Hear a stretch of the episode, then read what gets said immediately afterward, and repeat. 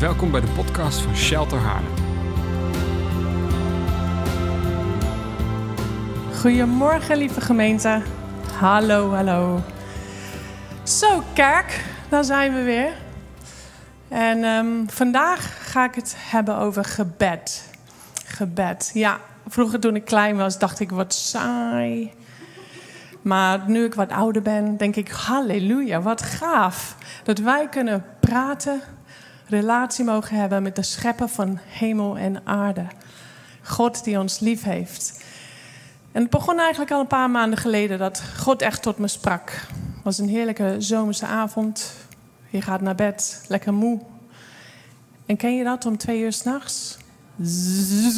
In je oor. Dus ah, het licht gaat aan. Adriaan pakt het tijdschrift, ligt altijd naast zijn bed. Bang, bang. Nee. Na een kwartiertje, twintig minuten zoeken. Helaas. Nog niet gevonden, maar kan hem ook niet meer zien. Gaan weer slapen. Val je net in slaap? Komt hij weer. Ah, dan moet ik altijd denken aan de, de uitspraak. Als jij denkt dat je te klein bent om ooit iets te bereiken, heb je nog nooit een nacht doorgebracht met een mug. Wat kan dat vervelend zijn? Nou, serieus, twee, drie, vier keer dat licht aan en uit. Dat stom beestje niet kunnen vinden. En ik lig dan eerst met mijn kussen over mijn hoofd. Maar poeh, te warm. Laken over mijn hoofd. Nee, te warm. Je gaat bidden in de naam van Jezus. Mug. Uit het raam. Dan ben je zo wanhopig in de naam van Jezus. Mug, val Adriaan aan en niet mij. En uh, nou, op een gegeven moment uh, ja, ben je twee uur verder en zo moe. En ik was gewoon al heer en een mug. En, uh, en ineens sprak God tot me. En hij zei, hey Rebek, die mug is wel erg belangrijk voor je. Hè? Boah, dat kwam binnen. En ik heb een uur later gewoon gedacht aan alle mensen die ik ken. Die God nodig hebben. Aan alle zieke mensen die een aanraking van God nodig hebben. Mensen die moeizame relaties hebben. En er gingen zoveel dingen door mijn hoofd. En ik was echt opnieuw uitgedaagd om, om serieus in gebed te gaan voor deze mensen. En niet alleen maar met de kleine dingen die mij irriteren en frustreren. Nou ja, en dan ben je een soort van alert. God spreekt, hè. En dan merk je dat God nog een keer spreekt. En nog een keer komt dat thema en nog een keer. En toen viel het me op dat we hier in de gemeente ook uh, bezig zijn met gebed. Judith, een aantal weken geleden, die stond hier en deelde over uh, gebed voor Israël. Of uh, sorry, voor Turkije. Die zo getroffen was door de aardbeving. Vorige week kondigde Ineke aan nieuwe gebed- en profetieavonden die we gaan beginnen, een nieuw seizoen. Wesley nam vorige week tijd tijdens de dienst om echt te bidden voor de zieken. En dan merk je, God is niet alleen tot mij in het spreken, maar ik geloof echt dat dit een woord is voor de gemeente zelf. En uh, voordat we gaan kijken naar het mooiste gebed, en echt een heel duidelijk voorbeeld van hoe we kunnen bidden, wat Jezus ons gaf, hè, onze Vader, wil ik nog even kort een anekdote met jullie delen. En um, dat gaan we allemaal vanochtend toepassen voordat we echt concreet gaan kijken naar het gebed. En het was dus uh, een paar weken geleden waar wij lekker een weekje naar Frankrijk geweest, kamperen. En op de terugweg zijn we 24 uur naar Parijs geweest. Dus we kwamen eind van de middag aan. En we hadden uh, één kamer geboekt, zespersoonskamer in zo'n hostel. En aan de hostel zat ook een soort van sportcomplex. Nou, dan heb je squashbanen en van die pedalbanen en allemaal leuke dingen. Nou, we, kwamen een soort van eind van de middag aan. En onze jongens, die zijn super sportief. Adriaan en ik houden ook van allerlei sporten. Dus ja, kunnen we gaan peddelen? Of kunnen we dit? Kunnen we... Ik nee jongens, we zijn in Parijs. We gaan naar de Eiffeltoren. We gaan naar de Sacré-Cœur. Ik had ook op de website gezien 30 euro per uur zo'n baan. Ik dacht, ja, nee, ik ga liever ijsjes halen met dat bedrag. Hè. En, nou ja, dus wij s'avonds lekker prijs in, heerlijk gegeten. En uh, geslapen. De volgende ochtend zitten we lekker aan het ontbijten. was een soort van cafetaria. Daar kon je of ontbijten als hostel, hostelgasten, maar ook voor de sporters kon je daar lekker een drankje halen en doen. Nou, dus ik zit lekker aan mijn croissantje en mijn koffie. En uh, nou, de jongens die zijn even weg. En ineens hoor ik, mama, mam, mama, kijk, mam. Dus ik draai me om. En naast staan twee hele blije koppies met een bal en twee pedalrackets. Dus ik denk, wat? En ze verdwenen achter die barrière richting het sportcomplex en die waren weg. Dus nou ja, wij onze koffie op, opdrinken en een croissantje snel naar binnen werken. En we gingen achter de jongens aan. En ja hoor, daar waren ze op zo'n pedalbaan. Lekker uh, padel, zo heet het, padel. En uh, waren ze aan het uh, spelen en doen. Nou, vooruit. Mama ook even proberen. Nou, kom aan. Lottie ook met z'n allen. Nou, ik denk we hebben maar een minuut of twintig gespeeld. Maar het was wel erg leuk. Erg leuk. En ik dacht, oh, dit is ook zo'n moment. Staat er niets in de Bijbel over zijn als een kind? Ja, dat staat er wel degelijk. dat, daar staat het. Daar staat in Matthäus 18, vers 3. Als u niet verandert en net zo wordt als de kinderen, zult u nooit in het koninkrijk van de hemelen komen. Want wat doen wij volwassenen? Wij volwassenen, wij rationaliseren. Nee, we zijn in Parijs niet om te gaan sporten, maar om al die belangrijke dingen te zien. Het kost ook geld. Maar het kostte geen geld. Voor hostelgasten was het eigenlijk gratis. En de jongens die wilden gewoon graag. Het leek hun leuk. En zij hebben gewoon de lef gehad en zijn naar de balie geweest. Dan mogen wij gewoon padel spelen. Ja hoor, twee rekkers, balie, of, uh, hekje open en gaan. En wat een plezier. Serieus, het was maar 20 minuten, maar ze hebben zo leuk gehad. En wanneer krijg je de kans om als jongetje van 10 en 8 om op zo'n baan uh, te staan en te spelen? En ik dacht, ja, dat rationaliseren. Wie weet hoe je dat zegt in het Engels? Heel simpel, het lijkt enorm op. Rationalize. Ja, maar als je rationalized opsplitst, krijg je rational lies. Rationele leugens. Ja, en daar hebben we, durf ik te zeggen, allemaal last van. Allemaal wel eens last van rationele leugens. Ja, ik bid al tien jaar voor genezing en het is nog steeds niet gebeurd. Misschien is het toch niet wat God wil en in de hemel krijgt hij zijn genezing. Ja, ik ben al twintig jaar voor mijn familielid, dat hij God zal leren kennen. Maar ja, die is best vredig en ik hoop dat hij dan misschien ja, vlak voor het sterven gaan toch God ontmoet. Ik ben al 30 jaar voor. Ik ben al 40 jaar voor. Maar vandaag gaan we die rationele leugens echt gewoon vernietigen. Wij gaan zo meteen samen het Onze Vader bidden. En als we dat met z'n allen hardop gaan bidden, wil ik je echt vragen om gewoon je hart open te stellen en laat God je raken. Maar wat ik ga delen is eigenlijk een cursus van drie jaar lang. Het kan allemaal niet in een klein half uurtje. Maar vandaag wil God ergens de vinger opleggen bij jou, bij u. En of het nou op gebied is van voorziening, of God aanbidden, of weet ik wat, geloof hebben. Maakt niet uit. Dat zou God wel duidelijk maken. Dus misschien kunnen we gaan staan. En dan gaan we samen vanuit Matthäus 6, vers 9 tot en met 13 het Onze Vader. Nou ja, soms ken je een uh, bepaalde vertaling uit je hoofd, maar laten we gewoon zelf te lezen. Als het past, alsjeblieft allemaal. Daar gaan we dan. Oké. Dus onze Vader in de, he in de hemel, laat uw naam geheiligd worden. Laat uw koninkrijk komen en uw wil gedaan worden op aarde zoals in de hemel. Geef ons vandaag het brood dat wij nodig hebben. Geef ons ons schulden, zoals ook wij hebben vergeven wie ons iets schuldig was. Breng ons niet in beproeving, maar red ons uit de greep van het kwaad. Want als jullie anderen hun misstappen vergeven, zal jullie hemelse Vader ook jullie vergeven. En er is nog een toevoeging, hè? Want u is koninkrijk en de kracht en de heiligheid. Amen. Precies. Ja, ik ken hem natuurlijk uit mijn hoofd in het Engels. Dus... Maar jullie kennen hem en hij is krachtig. Ga alsjeblieft zitten. Dus we gaan kijken naar het gebed. Want de discipelen die hadden gevraagd, hè, leer ons hoe we moeten bidden. En ik geloof dat we nog steeds kunnen leren, hoe lang we ook al bidden.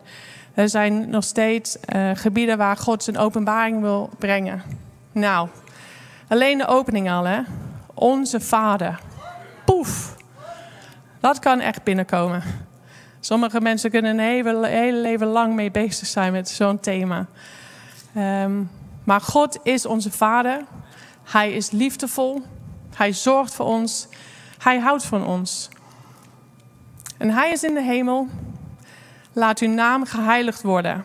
Als we bidden is het altijd gaaf om bij God te beginnen. Altijd. Hoe erg of ernstig een situatie ook is, altijd bij en met God beginnen. En als, als je op een gegeven moment jezelf zo getraind hebt om dit te kunnen doen, dan merk je dat in elke situatie je meteen gewoon de vrede van God ervaart. Omdat je gewoon de waarheid aan het proclameren bent. dat is echt zo belangrijk. En ja, God is een vader, die geeft aan ons en hij is betrokken bij alle kleine uh, details van ons leven. En ik moest vanochtend denken aan een situatie dat wij, nou ja, bijna twintig jaar geleden gingen Adriaan en ik voor Athletes in Action werken in uh, Groningen. En Adriaan had een filmdag gehad, dus de auto was volgeladen met alle dure apparatuur. S'avonds gingen we direct door naar vrienden. Dus we hadden alle apparatuur mee naar binnen genomen bij die vrienden. Het was een beetje een achterstandswijk in Groningen, dus je durft niks achter te laten in de auto. En het was laat geworden en om één uur s'nachts in het donker wij eh, de auto weer helemaal vol laden met alle spullen. En we stappen in de auto en Adriaan zet de auto in achteruit en we rijden weg en gedunk, gedunk. denk je, oh, oh nee, ik hoop niet dat een konijn was of iets. Dus we gingen over iets heen rijden. Stappen uit de auto en we gaan kijken. En daar ligt een cameratas met een hele dure camera erin. En serieus, om één uur s'nachts, terwijl je een jaar aan het leven bent van giften en niet zo breed hebt en die net over de camera, dure camera van de Artist in Action bent overgereden. Het eerste wat ik deed was op mijn knieën vallen en gewoon, dank u Heer dat u goed bent. Dank u Heer dat u voor elk aardsprobleem een hemelse oplossing heeft. Dank u Heer dat u elke situatie, en dat is gewoon wat er in me opkomt. Want ik ken God al vanaf mijn vierde. En het is niet dat ik zeg, oh halleluja dat dit gebeurd is. Nee, tuurlijk niet. Nee, het was echt flink palen. Maar God is erbij en zo leven wij ons leven. En jullie zullen misschien wel in je leven in veel ernstige situaties terechtkomen dan een dode camera. Maar ehm, uiteindelijk heeft de verzekering allemaal geregeld. Maar het is zo belangrijk als we bidden, kom bij God en proclameer en vertel wie Hij is. Het maakt zijn hart blij, maar het maakt ook ons hart blij. Het brengt rust en het brengt vrede om te weten: God is onze Vader, Hij is in de hemel en Hij zal geheiligd worden. Het is ook zo gaaf dat we weten dat, dat Jezus zegt onze Vader. Ik weet niet, ineens voel ik een soort van broederschap. En Jezus is mijn broer. Want het is onze vader. Hij zegt niet mijn vader. En nou, jij mag ook een soort van meedoen. Maar onze vader. Vond ik heel mooi. En we weten ook, hè, in uh, Psalm 100, vers 4 staat ook dat we met een danklied zijn poorten binnen kunnen gaan. Dat we komen met een danklied naar het plein van zijn heiligdom. Prijs de Heer, dank hem. Dus hè, God prijzen, dat brengt ons in zijn aanwezigheid. En je wil eigenlijk, dat is de allerbeste plek waar je kan zijn. Van daaruit willen we bidden. Hebben we ook gemerkt trouwens. We gaan aan het einde voor de dienst uh, gaan we echt voor de band bidden. Want ik heb zo genoten vanochtend. Maar het gaat niet om genieten. Ik heb zo geproefd dat we echt steeds, steeds meer in de aanwezigheid van God komen. Dat de salving echt aan toenemen is. Dus we gaan aan het eind van de dienst, wie daar echt een hart voor heeft, gaan we echt de handen ook op de band leggen en uh, voor ze bidden. Want hoe meer zij ons kunnen leiden in zijn aanwezigheid, hoe meer wij daar ook ja, de werking van de geest zullen zien. We willen dat mensenlevens veranderd worden door de aanwezigheid van, uh, van de Heilige Geest. Ja, nou, vers 10. Laat uw koninkrijk komen en uw wil worden gedaan. Op aarde zoals in de hemel. Al heerlijk. Heerlijk, de hemel. Ja, de hemel, een plek waar er geen tranen zijn, geen pijn, geen verdriet. Waar rechtvaardigheid heerst. Geen ziekte, geen ruzie. Wie wil dat nou niet? En dat is wat we bidden. En het is heerlijk dat we dit kunnen bidden en hiermee dekken we alles van eh, wereldsituaties tot en met onze kleine persoonlijke uitdagingen in het leven. Dat we uitspreken dat ja, het, Gods koninkrijk zal komen. Dat God zal heersen en dat Hij de koning zal zijn van elke situatie. In Romeinen 14, vers 16 lezen we dat het koninkrijk van God is een koninkrijk van gerechtigheid, vrede en vreugde. En dat is allemaal mogelijk gemaakt door die Heilige Geest. En um, ja, ik denk ook, wat ik heb gemerkt is, uh, nu ik de laatste maanden echt meer bezig ben, wat gerichter bezig ben in mijn gebed, dat dat gevoel van onrechtvaardigheid veel sterker is geworden. Het is echt toegenomen. En ik, ik, wil, ik spreek situaties aan in de naam van Jezus. Ik bid voor dingen meteen en niet, oh ja, ik zal voor je bidden, maar mag ik nu voor je bidden? Ik ben wel veel actiever geworden. En ik hoop niet dat ik helemaal doorsla. Want laatst in Frankrijk gingen we naar zo'n grote aquapark. En dat is een speciale VIP-lane voor mensen die een dure armbandje hebben gekocht. Die mogen voordringen. En wij stonden dan in onze soort van gewone burgerrij. En dan lopen er twee kindjes heen. En ik zie dat ze geen armbandje hebben. En dan kan ik het gewoon niet laten. Ik uh, soort van schuif door. Tik, tik, tik. Waar is je armbandje? Kijken ze me aan. En nee, up, terug naar de rij. zegt Adriaan van, oh, je bent echt een juf, hè? Maar ja, dat is gewoon mijn gevoel van rechtvaardigheid. Ik vind dat moeilijk, omdat mensen dan zoiets hebben van, ja, vals spelen. Maar uh, ik, ik, deed het wel met een liefdevolle blik. Dus uh, ik hoop dat dat het verschil maakt, hè? Oh, en trouwens, God houdt van je. Maar achteraan. Nee, joh. Maar ja, willen wij dit ook, hè? Het is niet alleen maar, Heer, kom uh, met uw koninkrijk. Maar wij zijn ook actieve deelnemers aan het bouwen van Gods koninkrijk. Dus niet alleen iets wat we uitspreken in ons gebed, maar dit is iets wat we echt uh, voor kunnen leven. En op onze eigen manier uh, echt deelnemen om rechtvaardigheid te brengen in situaties, in de maatschappij. En zeker voor landen wat verder weg, situaties verder weg, met de kracht van gebed. Halleluja. Nou, dan gaan we over vers uh, 11. Geef ons vandaag het brood dat wij nodig hebben. Heeft iemand ooit gemerkt dat God niet zoveel haast heeft? En dat God niet altijd 20 jaar, 30 jaar aankondiging wil geven, maar dat hij vaak zegt: Blijf bij me, ik zorg vandaag voor jou. En daarom ja, geeft hij de opdracht om te bidden voor vandaag. Dat we zullen weten dat God ons vandaag geeft wat wij nodig hebben. Het is ook zo belangrijk. Ik geloof echt dat we mogen bidden voor, voor spulletjes, voor mooie dingen. Dat mag echt. God is zo'n liefdevolle God. Dat hij ons vaak verrast met hè, de verlangens van ons hart. Maar het allerbelangrijkste, dat benadrukt hij ook iets later in Matthäus 6. Van geef het koninkrijk van God en het doen van Gods wil de eerste plaats in jullie leven. En dan zullen de andere dingen gegeven worden. En ik weet als jong christen dat ik vaak dacht: ja, ik wil de loterij winnen. En als God echt goed is, dan geeft hij me alles wat ik wil. Maar dat is niet wat er staat. Nee. Want vaak staan die dingen ook niet eens goed voor ons en dat weet God. Het allerbeste is als wij zijn koninkrijk vinden, die vrede en die vreugde. En de andere dingen die komen dan later. En dan staat ook de opdracht hè, dat je dus geen zorgen over de volgende dag moet maken. Want de volgende dag zal weer zijn eigen zorgen met zich meebrengen. Elke dag heeft genoeg en zijn eigen problemen. Ja, vorige week sprak Genanja over vrede. En ik geloof dat gebed een enorm grote rol speelt in het hebben van vrede. Ik denk dat er weinig mensen zijn die Gods vrede erkennen, maar die nauwelijks tijd in gebed doorbrengen. Omdat we eigenlijk is bidden gewoon communicatie met de Vader, dat is gewoon relatie hebben met God. En hoe meer, eh, hoe, meer we bij God zijn, hoe dichter bij we zijn, ja, hoe meer we er gewoon die, die vrucht van de vrede hebben. En uh, dus kies ervoor. Jaag de vrede en de vreugde na. Bid ervoor. En vraag God om te geven wat je nodig hebt. Voor vandaag. Er is een uh, tekst in Jacobus 4. Dat vind ik soms een beetje lastig. Ik denk, dat Jezus zegt min of meer van, ja, je, je krijgt het niet omdat je er niet om vraagt. En sommige dingen denk ik, nou ja, ik bid er al jaren voor en het is nog niet gebeurd. Iemand anders die dat gevoel wel eens heeft van, ja, ik bid er wel degelijk echt ergens voor en het gebeurt nog niet. Maar dan, dan zegt Jezus, um, misschien dat je wel bidt en je krijgt het niet omdat je verkeerd bidt. En uh, we gaan er straks naar kijken, maar het is zo belangrijk als we bidden dat we echt vanuit het uh, principe van het koninkrijk bidden en niet vanuit onze eigen gedachten, onze eigen invulling. Misschien uh, dat we soms zorgen ons laten leiden in ons gebed. Maar dat we echt bidden vanuit de overtuiging dat God goed is. En dat we ook bidden met kennis van wat zijn wil is.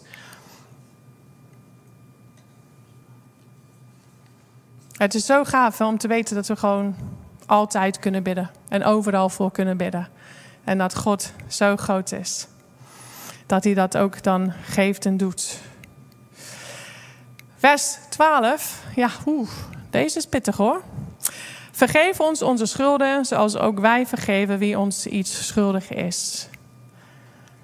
En later, uh, Matthäus 6, vers 14, daar staat: Als jullie de mensen vergeven wat ze verkeerd doen, zal jullie hemelse vader jullie ook vergeven wat jullie verkeerd doen. Maar als jullie andere mensen niet vergeven, zal jullie vader jullie ook niet vergeven. En toen ik jonger was, vond ik dat een soort van dreigement. Als je dat niet doet, dan krijg je dat niet. Maar nu ik God wat beter ken, weet ik zeker dat het niet zo in elkaar zit. Maar het is, het is een, het allerbeste en het allermooiste wat je kan doen, is mensen vergeven als ze jou iets aandoen. Want dan ben je vrij van de bitterheid. En je bent vrij van de boosheid.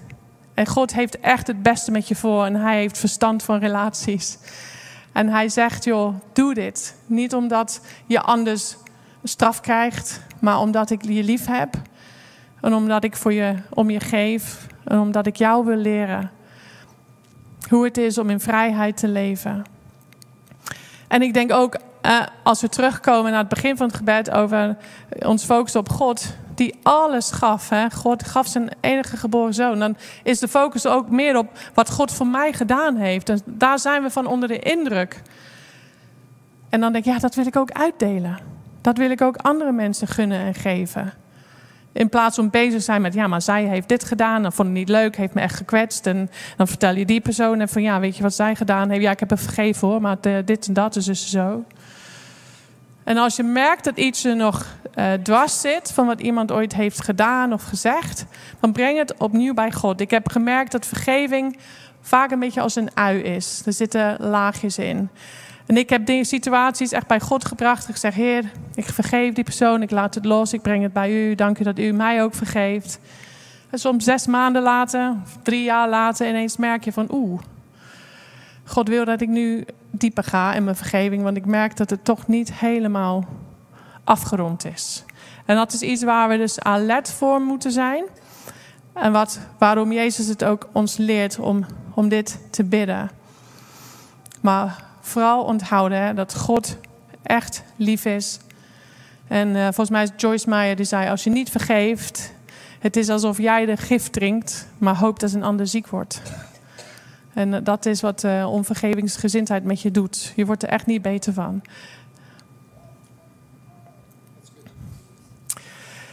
Ja, en ook deze. Nou, ik weet niet of er theologen in de zaal zijn, maar de vers, wat vers is dat? 13.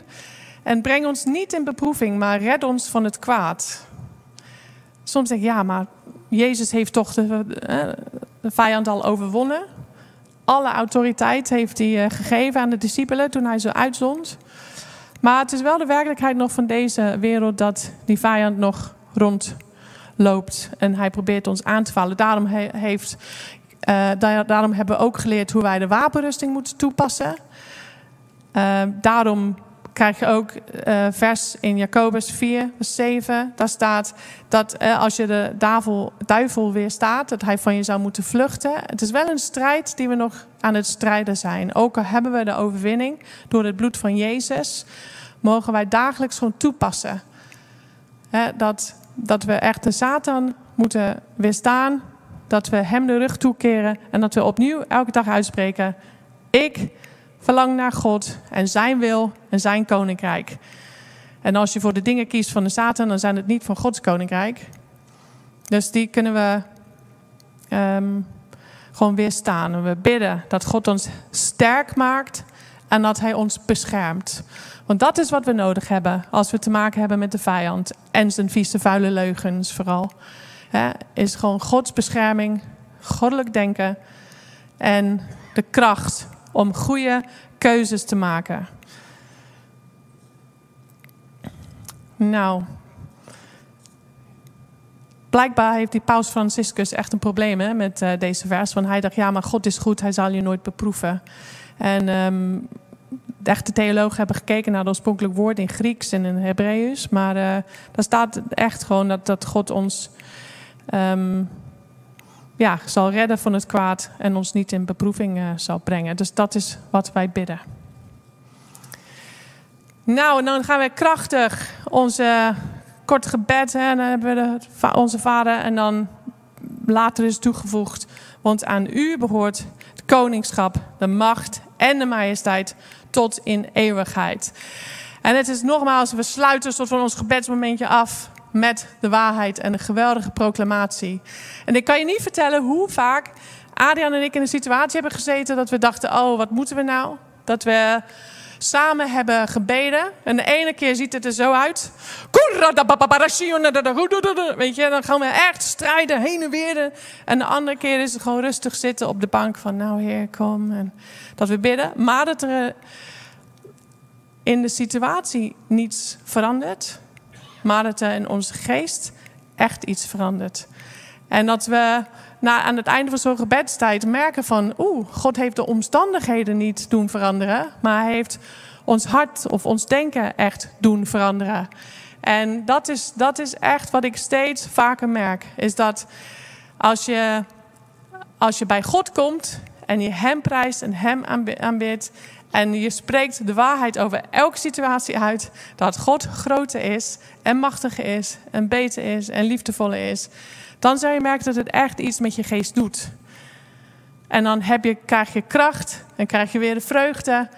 En vaak zie je dan in de loop van tijd dat er wel degelijk verandering komt in je situatie. Niet altijd hebben we pang, een oplossing. Maar God is een God van wonderen. En de wonderen gebeuren vaak hier of hier. En niet altijd in de situatie waar we voor staan. Oké, nou, ik heb, uh, was grappig, want gisteren zijn we een dagje naar Friesland geweest om te varen. Uh, Adriaan via een kennis um, kregen we een dagje vader aangeboden, superleuk. En um, was een ander gezin, een hele lieve mensen. En het zijn allemaal gelovige broeders en zusters. Van welke st stroming? Reformatorisch, leuk. Nou, dus wij gingen even bidden voor, de, voor het kopje soep. En wie wil bidden? Nou, een man die zei ja. En hij ging het Onze Vader bidden voor, voor het eten. En ik ken dat niet. En met mijn soort van vrije evangelisch hart en hoofd denk ik van... oh, is een beetje, bijna een beetje vroom dat je dat bidt voor, het avond, uh, voor, de, voor de lunch. Ik weet niet, ik ken dat niet. Maar ik dacht, joh, wat, een, wat eigenlijk een wapen. Dat, dat deze mensen echt uh, gewoon het gebed dagelijks uitspreken... En het is niet een, uh, een trucje wat je leert, maar er zit zoveel kracht in. Nou, of je nou echt heel veel van Gods geest kent of dat je het allemaal nieuw voor je is. Het is gewoon goed om een stukje regelmaat te brengen in je gebedsleven en dit als uh, voorbeeld te nemen. Zijn er mensen in de zaal uh, eh, 20 jaar of jonger? Ja.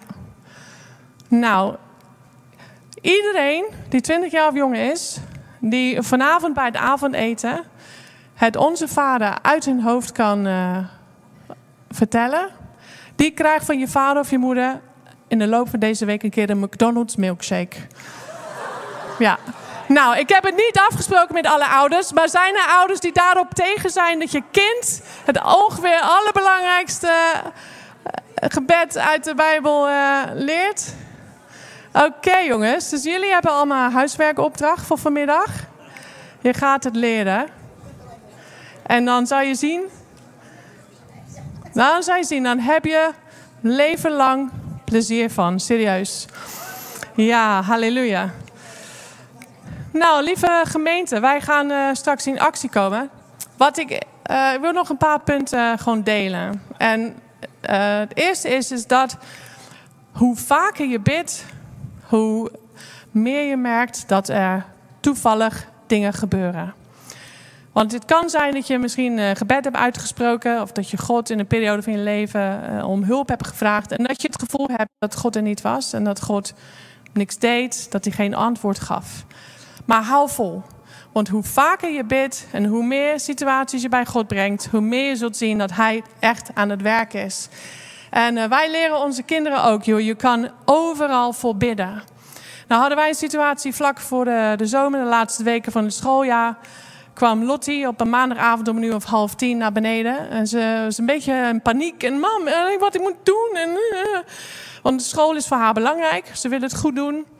En zij had dus eigenlijk, uh, de hele klas moest een presentatie houden voor Nederlands. En Lottie was gelijk de eerste week uh, ingeroosterd om haar presentatie te geven. Maar ze had een heel druk weekend, dus ze had met een ander meisje uit de klas geruild. Dus het andere meisje zou eigenlijk de volgende dag dan die presentatie geven. Maar ja, je raadt het.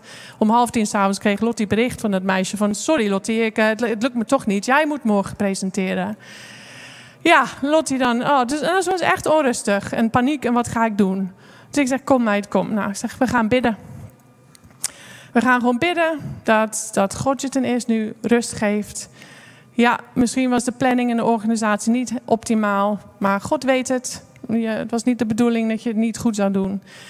En ik zeg, we bidden dat God deze situatie gewoon dat hij uh, zal laten zien dat hij goed is. Dat hij van je houdt, dat hij voor je zorgt. En um, ik heb gezegd, je gaat wel even communiceren. Ik ben echt van de communicatie, ik hou van duidelijkheid. Dus stuur die meneer Meijering nu even een bericht van meneer, uh, het spijt me, ik ben morgen aan de beurt. Ik heb mijn presentatie niet voorbereid. Maar uh, ja, ik had geruild met iemand en die, die kan nu niet. En ja, daar sta ik dan. En Lottie had dezelfde avond nog uh, bericht teruggekregen. Van oké okay, Lottie, ja, jammer. dat betekent wel een punt aftrek, maar dan doe je het weer een week later. Oké, nou, toch een beetje vrede. Lottie naar bed gegaan. De volgende middag komt Lottie thuis. Mam, je raadt het niet. Ik kwam binnen, Nederlandse les. Zegt meneer Meijering, nou Lottie, je hebt mazzel. Want we hebben een technische storing, dus alle presentaties zijn pas volgende week en je hebt geen puntaftrek meer.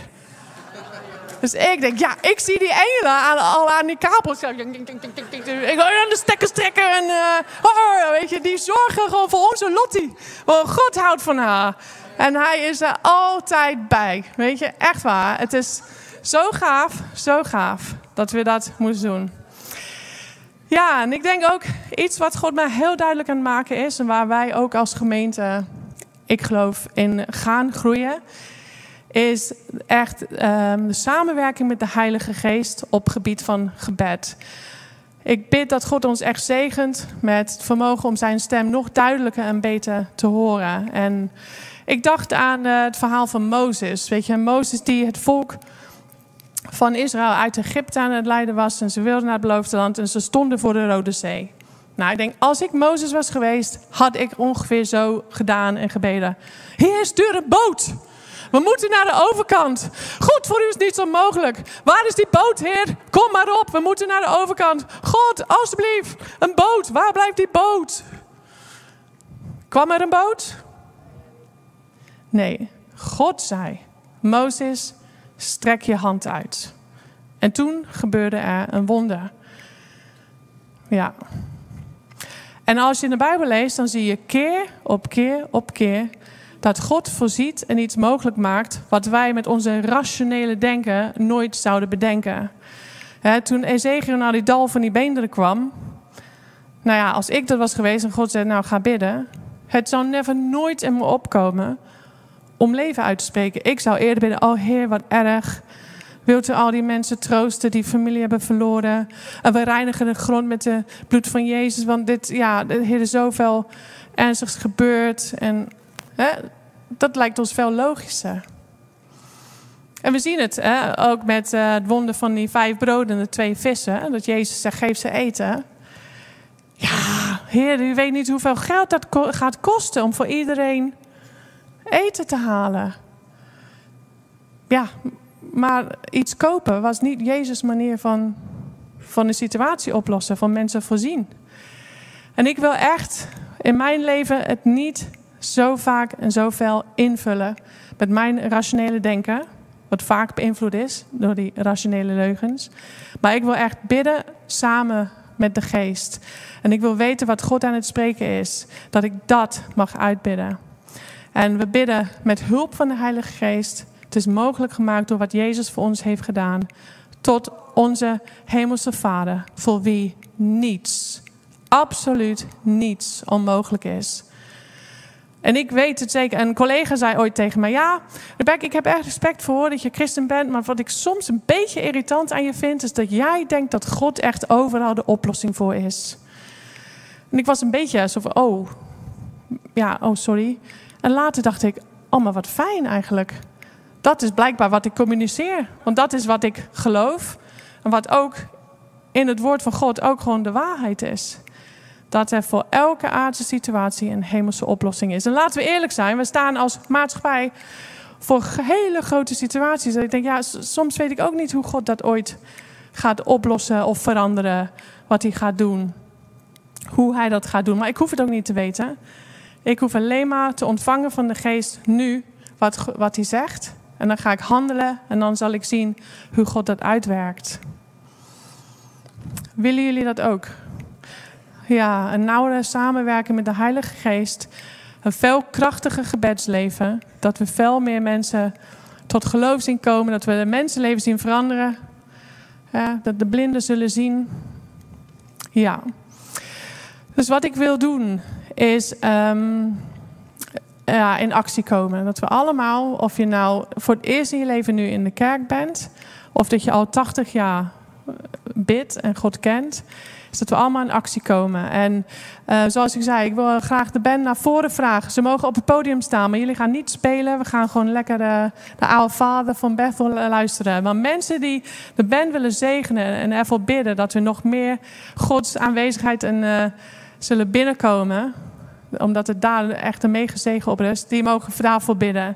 Er zijn vast mensen. Welke mensen hier hebben echt geloof voor, voor genezing? Zijn er mensen die echt een hart hebben voor, voor genezing? Ja? Ja. Nou, als je ergens mee zit, of het nou een fysieke kwal is of, of dat je een gebroken hart hebt, gaan misschien willen de genezing mensen aan deze kant uh, gaan staan. Als je bereid bent om met en voor anderen te bidden. En verder mag je even tijd nemen om bij God te komen. Zeg, Heer, wat heeft u vanochtend gesproken? Welke rationele leugens moet ik neerleggen en laat ik los? Op welk gebied mag ik samen met de Heilige Geest werken om, om te zien? Dus muziek mag aan. En anders kan je gewoon waar je zit, in je kleine groepje, of je neemt tijd om lekker alleen bij God te komen en te zeggen: Heer, dit heeft u vanochtend tegen mij gezegd. Of, uh, of dat je in kleine groepjes even met elkaar deelt. Welke regel uit het Onze Vader spreekt jou aan? Waar wil jij in groeien? Waar wil jij verandering zien? En laten we ja, gewoon deze tijd even zegenen met elkaar. Dat God zou komen met steeds meer van zijn waarheid. Dat wij een ontmoeting zullen hebben met onze Hemelse Vader. En dat situaties en mensen zullen veranderen. Dank voor het luisteren naar onze wekelijkse podcast. De missie van Shelter is Gods Koninkrijk zichtbaar maken in onze wereld. Wil je onze gemeente financieel ondersteunen in deze missie? Ga dan naar www.shelter-haarlem.nl geven.